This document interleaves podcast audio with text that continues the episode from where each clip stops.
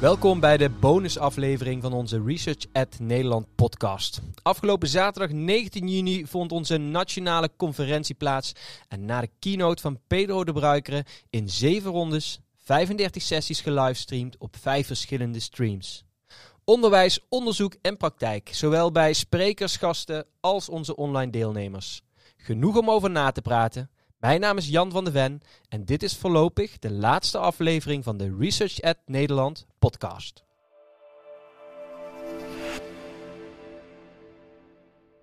Deze week een first-time bezoeker van onze conferentie. Ze geeft les in het basisonderwijs aan de, zoals ze het zelf noemt, leukste groep 3 van Nederland en volgt daarnaast de pre-master pedagogische wetenschappen.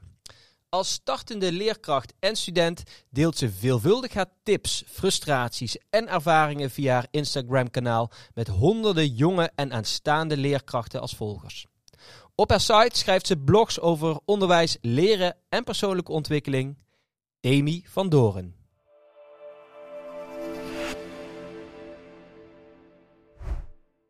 Demi, leuk dat je hier bent in de studio. Uh, allereerst, wat heb jij met ResearchEd? Ja, wat heb ik met Research Ad? Nou, die relatie is eigenlijk nog best wel heel pril. Die duurt nu zo'n twee dagen, want afgelopen weekend was ik voor de allereerste keer op Research Ad aanwezig. Mm en ik moet zelfs heel eerlijk zeggen dat ik tot heel kort geleden nog helemaal niet wist dat Research Ad bestond.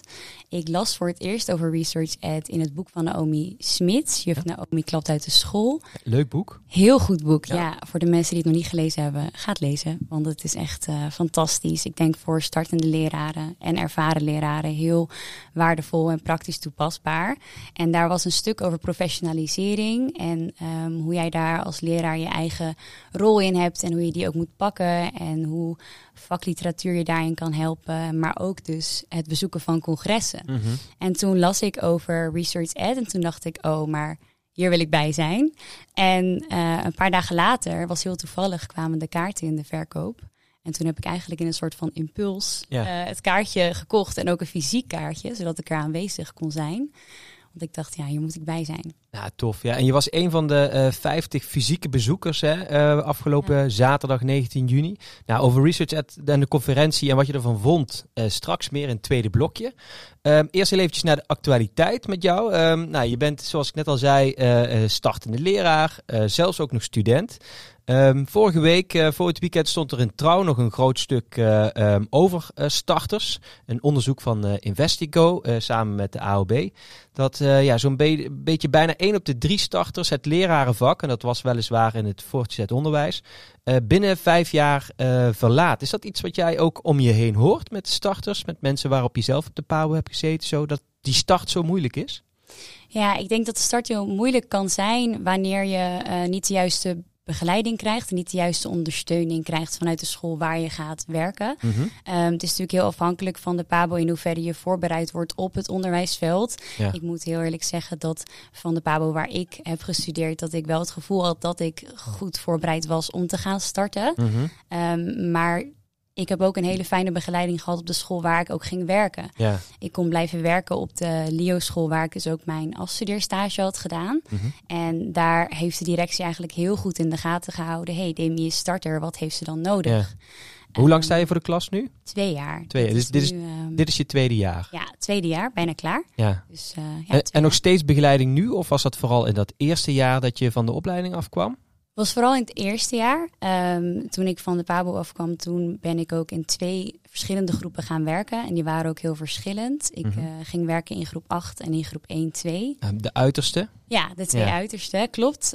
Um, had ik zelf wel voor gekozen, omdat ik uh, na de PABO heel snel wist dat ik door wilde gaan studeren. Maar ik wilde eerst een jaar uh, om ervaring op te doen. Mhm. En toen ben ik naar mijn directie toe gegaan. Toen heb ik gezegd, joh, geef mij een jaar waarin ik zoveel mogelijk ervaring op kan doen. Ja. En dat heb ik gekregen. Ja, dus, tof. Ehm, ja. Uh, hoe zag die begeleiding bij jou uh, um, op de werkvloer eruit? Want het is een van de dingen die ook in dat onderzoek terugkomen, ja, die vaak ontbreekt, waardoor mensen ook binnen die vijf jaar afhaken. Hoe, hoe zag dat bij jou in, op de werkvloer eruit, die begeleiding? Ja, ik kan me voorstellen dat dat inderdaad is waardoor je afhaakt eigenlijk. Ja. Ehm, bij mij was het zo dat ik dus in twee groepen stond die ook nog eens een heel erg uiterste waren.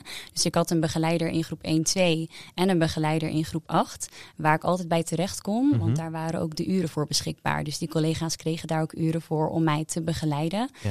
Daarnaast zijn er best wel veel boeken bij ons op school, veel onderwijsboeken. Dus ehm, ik kon daar altijd eh, gewoon boeken pakken wanneer ik dat wilde.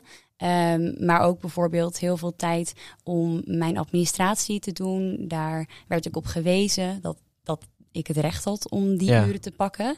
Ehm, en om het te professionaliseren. Dus ik denk dat het vooral was dat ik een leidinggevende had die tegen mij zei: Hey Demi, je bent startende leraar. Ja. En dit en dit en dit en dit mag je daarom. Ja. En ik denk dat ehm, wanneer starters beginnen, wanneer ze net van de pabo afkomen, dat er heel veel mensen zijn die nog helemaal niet zich bewust zijn dat al die mogelijkheden en dat die rechten er zijn. Je hebt via jouw, eh, onder andere jouw Instagram-kanaal en jouw bereik eh, veel contacten met andere ehm, leraren, studenten in opleiding, eh, maar ook startende leraren. Is dit iets wat, wat gemeengoed is wat jou betreft, eh, die, eh, die begeleiding op de, op de werkvloer? Of wat krijg jij terug vanuit, eh, vanuit die volgers van jou?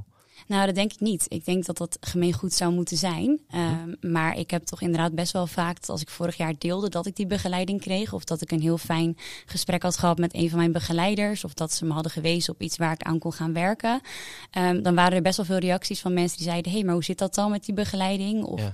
hoe zit dat met die uren die je hebt om je administratie te doen? Want die heb ik niet. Ja. En dan zei ik, ja, die hoor je wel te hebben. Maar ehm, dat zou ik even navragen dan. Want de Ja. realiteit is helaas dat ehm, ehm, wanneer je niet een directie hebt die jou daarop gaat wijzen, moet je daar zelf achteraan. Ja. En als je niet weet dat het bestaat, eh, of dat je daar inderdaad recht op hebt, dan zijn er helaas veel mensen die dat niet eh, doen of niet kunnen doen. Ja. Dus wordt nu toch te vaak misschien aan het toeval overgelaten of dat jij eh, ja, die begeleiding krijgt, ja of nee. Ja. Ja, dit kan ik me voorstellen. En dus wat dat betreft ook mooi dat jij daar ook via jouw kanalen wat ja, aandacht op, eh, op geeft. Zodat eh, eh, startende leraren en studenten die het, het vak binnenkort gaan betreden, ja, weten waar ze, wat ze kunnen vragen en waar ze, Ja. waar ze recht op hebben. Zeker. Hey, ehm, eh, je bent zelf ook nog student, hè? de pre-master pedagogische wetenschappen. Hoe, hoe maak je tijd om je naast je lerarenbaan ook nog daarin te kunnen verdiepen? Ja, dat is best wel lastig soms. Ehm, dat is plannen, plannen, plannen, zeg ik altijd. Ik eh, moet echt wel heel erg vooruitwerken en goed kijken wat is de bedoeling ehm, in welk blok. Het ene blok gaat wat makkelijker dan het andere eh, blok. Ik heb gelukkig wel twee studiedagen, dus ik sta drie dagen voor de klas. Ik heb twee studiedagen in de week ehm, die ik helemaal aan mijn studie kan besteden. Ja, Ik heb ook de lerarenbeurs, eh, waardoor dat kan, waardoor mijn school subsidie krijgt, zodat ik die studiedag kan hebben. Ja. En dat helpt wel heel erg, want als ik die twee dagen niet had gehad, dan had het niet gelukt. Nee, dat snap ik. En eh, word je dan ook zo ehm, gefaciliteerd bijvoorbeeld om naar eh, een eh, conferentie als Research Ed te gaan? Of is dat wel echt gewoon lekker in de eigen tijd en vanuit de eigen middelen, om het zo maar te zeggen? Nee, dat is inderdaad eigen tijd, eigen middelen en ook zelf erachteraan gaan om te kijken, oh maar wat is het en waar is het Ja. en daar wil ik heen. Ja. Ja. tof. Nou, leuk. Ik ben benieuwd hoe je het ook terug gaat brengen weer naar jouw, jouw eigen team. Nou, wij kijken in ieder geval met heel veel plezier op terug. We hadden de afgelopen weken de hele tijd Tishousers tip. En dan keek Jan terug, of vooruit naar het programma om te kijken welke sessies er allemaal komen. Ehm, in deze bonusaflevering, deze laatste aflevering, gaan we naar Jan Tishousers top. En dan kijken we even hoe Jan terugkijkt op zaterdag 19 juni. Ik ben benieuwd. Demi kijkt terug op onze conferentie en vertelt ook hoe het is om te starten in het onderwijs. Zelf kijk ik terug op een enerverende dag met waardevolle bijdragen van onderzoekers, experts en leraren. Met een team van medewerkers, studenten en vrijwilligers die samen een topprestatie hebben geleverd. Het is heel moeilijk om uit de vele bijdragen die zonder uitzondering een hoog niveau hadden een keuze te maken. Mijn indrukken zijn of uit de tweede hand of subjectief. Als ik dan toch een paar dingen wil benoemen, dan begin ik met Lisanne Stap. Dit jaar hebben een aantal leraren die om met Ismaël te spreken met hun poten in de modder staan hun ervaringen gedeeld. Lisanne's open en kwetsbare verhaal over haar zoektocht heeft veel indruk gemaakt en is zeker de moeite van het terugkijken waard. Ik was zelf heel nieuwsgierig naar de bijdrage van Simon Mensaert, die in Vlaanderen kinderen in wat wij het basisberoeps- of basiskader zouden noemen weet inspireren tot goed gedrag. Zijn ook voor ons in Nederland herkenbare verhaal waarin hij met een dosis zelfspot en humor zijn eigen gang als leerling en leraar in het Vlaamse beroepsonderwijs beschrijft, is zowel vermakelijk als indrukwekkend en biedt een originele manier om leerlingen tot goed gedrag aan te sporen. Nogmaals, mijn keuze is willekeurig en selectief, dus ik zou zeggen, neem de komende dagen en weken de tijd om die sessies terug te kijken waarvan jij denkt dat het jou kan helpen om je eigen onderwijs te verbeteren. Misschien zie ik een aantal van jullie terug op 23 oktober in Mechelen. Wie weet en tot dan. Ja, uh, Demi, uh, wij kijken in ieder geval heel erg tevreden terug op die zaterdag 19 juni. Maar wat was jouw ervaring voor een first-time bezoeker? Hoe, heb je het gevonden? Ik vond het geweldig. Ik uh, had van tevoren had ik inderdaad al een paar mensen op Twitter en op Instagram langs zien komen die zeiden nou het is het onderwijsfeestje van het jaar. En dat snap ik nu heel goed. Nu ik er geweest ben denk ik ja, maar dat is het ook gewoon. Het is inderdaad een, een onderwijsbubbel waar je een hele dag in zit. En met ontzettend veel uh, mensen die gelijkgestemd zijn, die hart hebben voor onderwijs en voor evidence-informed en evidence-based lesgeven. En dat vond ik ontzettend tof om zoveel mensen te ontmoeten die mhm. daar op dezelfde manier in staan. Uh, maar het is ook gewoon een hele mooie kans om ontzettend veel te leren op één dag. En dat is eigenlijk ook hoe ik het ervaren heb. Het is één dag aan leren en uh, meeschrijven en luisteren en praten en super waardevol. Ja, eh, via jouw Instagram stories uh, was ook goed te volgen hoe jouw dag er zo uitzag. Hè? je hebt veel gedeeld over de sessies die je hebt um, bezocht. En je hebt daar ook nog wel wat ja, input gevraagd van de volgers. Daar hebben we het dadelijk heel eventjes over. Um, wat, wat, voor sessies ben je naartoe geweest? Welke sessies um, staan je nog bij? Um, nou, ten eerste was, ik vond de keynote van Pedro vond ik fantastisch aan het begin van de dag. Dat vond ik al echt toen dacht ik, als dit de toon zet voor de rest van de dag, dan wordt het geweldig. En um, daarna ben ik naar de sessie van Marita Eskus gegaan. Ik ben sowieso groot fan van Marita, haar boek. Um, en de sessie was eigenlijk even sterk en even mooi om dat weer te volgen. Dus die vond ik geweldig. Technisch lezen in een doorlopende leerlijn is haar boek. Hè? Je staat zelf ook in groep drie hè, op dit moment. Uh, heb je veel dan ook aan dat boek gehad zo? En ook uh, vanuit dat sessie misschien nog nieuwe dingen gehoord waarvan je denkt van, nou, die neem ik weer mee terug naar mijn eigen klas? Absoluut, ja. Ik vind Marita's boek vind ik echt een handboek voor de leraar. Um, van groep 1 tot en met groep 8. Dat is mhm. denk ik ook waarom ze het geschreven heeft. En bij mij zit hij helemaal vol met post-itjes en, en gearseerde stukken. En ik haal hem heel vaak weer even uit de kast om dan te kijken, oh, hoe ga ik nu verder? En um, ik heb hier een, een uitdaging waar ik mee aan de slag wil. Wat ga ik daarmee doen? Dus uh, ja, ik heb hem heel vaak weer uit de kast gepakt. Ik vind het echt wel een... Um, um, een handleiding eigenlijk. Ja. Dus ik ben heel blij met het boek. Maar nu ik ook bij de sessie weer ben geweest, zijn er ook weer een paar dingen die opgefrist zijn. Ja. Um, dus voor de mensen die hem niet hebben gezien, gaan terugkijken, zou ik zeggen. Want dat kan gelukkig. Ja. Um, en een, het stukje wat in de sessie nog naar voren kwam, waar ik een actiepunt voor mezelf voor heb gemaakt, is het stuk over de kennis van de wereld en hoe dat technisch lezen en begrijpend lezen aanvult. Mm Marita Eskes had het over hoe als je begrijpt begrijpend lezen en technisch lezen wil gaan uh, versterken en vloeiend mhm. lezen wil verbeteren, dat kennis van de wereld uh, om je heen, dat dat er ook heel erg aan kan bijdragen. Ja. Uh, samen met woordenschat bijvoorbeeld. Ja. En daar heb ik voor mezelf weer even een actiepunt van gemaakt om daarmee aan de slag te gaan. Nou, mooi. En andere sessies de rest van de dag nadat je Marita hebt, hebt gezien?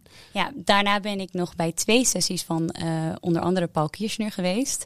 Um, aan het einde van de dag mocht ik aanschuiven bij een gesprek tijdens de nabespreking van de dag, toen heb ik het al eventjes genoemd. Iedere keer als Paul Kiesner begint te praten, kan ik alleen maar knikken en meeschrijven. Omdat hij zoveel mooie, waardevolle dingen um, zegt. Die vond ik heel sterk. Eentje ging over uh, productieve leerstrategieën.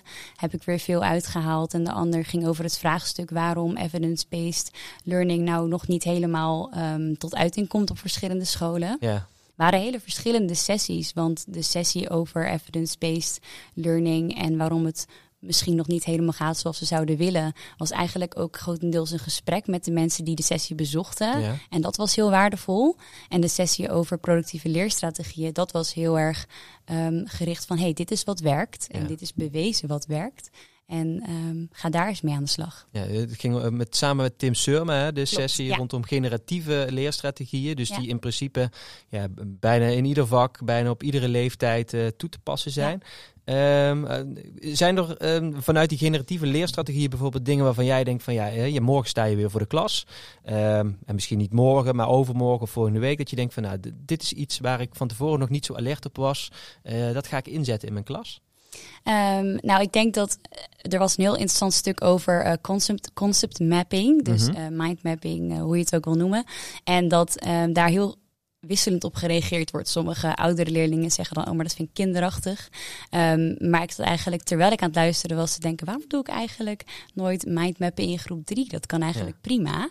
Dus ik denk dat ik die voor aankomende week weer eens uh, uh, meeneem om daarmee aan de slag te gaan. Want om dan weer te horen wat daar de waardevolle stukjes van uh, zijn en waarom dat zo waardevol kan zijn bij verschillende vakken, mm -hmm. word je dan toch weer even aan het denken gezet van, oh ja, die ga ik dan weer eens een keertje gebruiken. Nou, mooi. En um, um, nou, je hebt een aantal sessies uh, bezocht. Um, als startende leraar. En uh, ik denk ook dat je eerlijk gezegd een van de jongste bezoekers uh, was. Als ik zo een beetje de zaal ook rondkeek. Dat zou maar kunnen.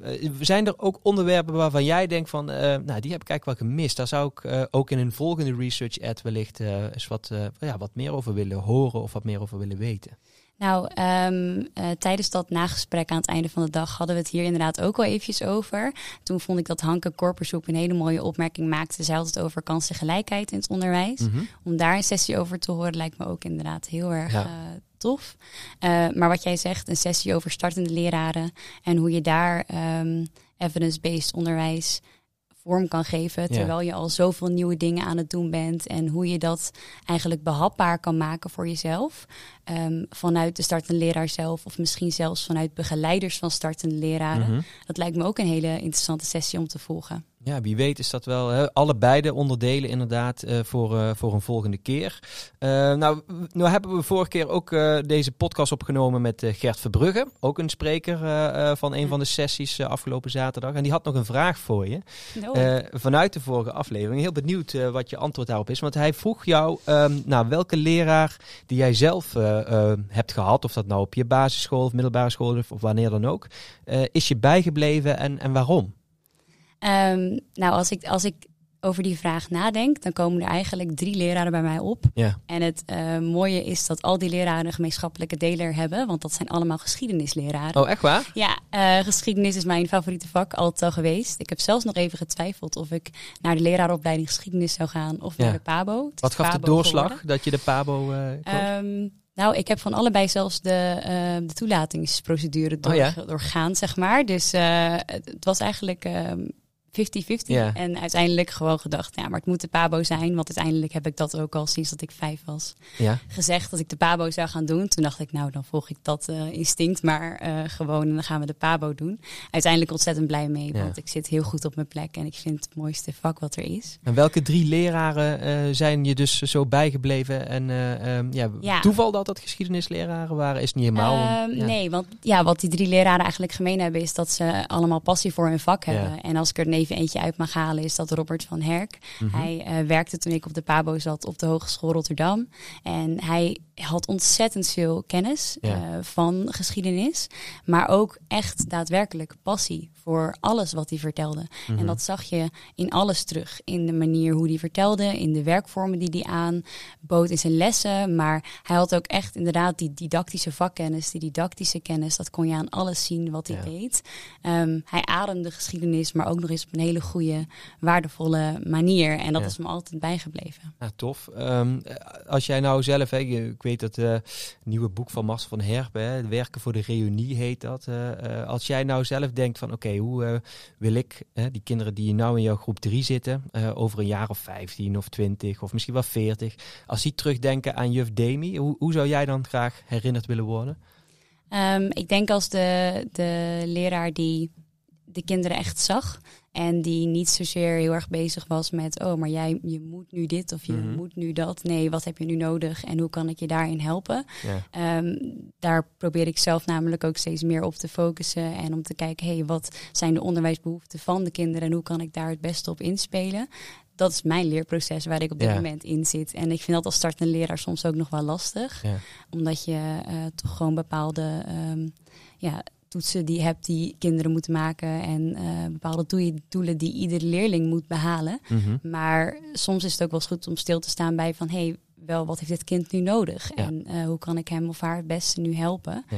Dus ik hoop dat eh, mijn leerlingen dat ook zo ervaren, dat ik ieder ehm, kind eigenlijk iedere dag als ze binnenkomen weer een nieuwe kans geeft Ja. om, ehm, om te leren en om een beste beentje voor te zetten en om ervoor te gaan.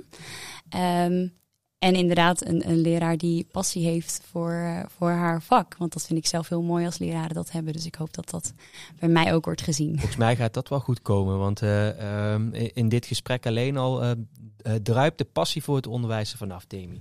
Ik wil jou hartstikke bedanken dat je onze allerlaatste gast wilde zijn. Hopelijk zien we je in 2022 bij Research uit Nederland ook weer terug. En misschien dan zelfs wel met een eigen sessie gericht op die startende leraren. Dat zou zou zijn. helemaal mooi zijn. Zeker. Ehm, nou, en alvast voor iedereen in de agenda 23 oktober vanuit Mechelen eh, de allereerste Belgische editie van de Research Ed conferentie. Ehm, op dit moment lopen de voorbereidingen daarvoor.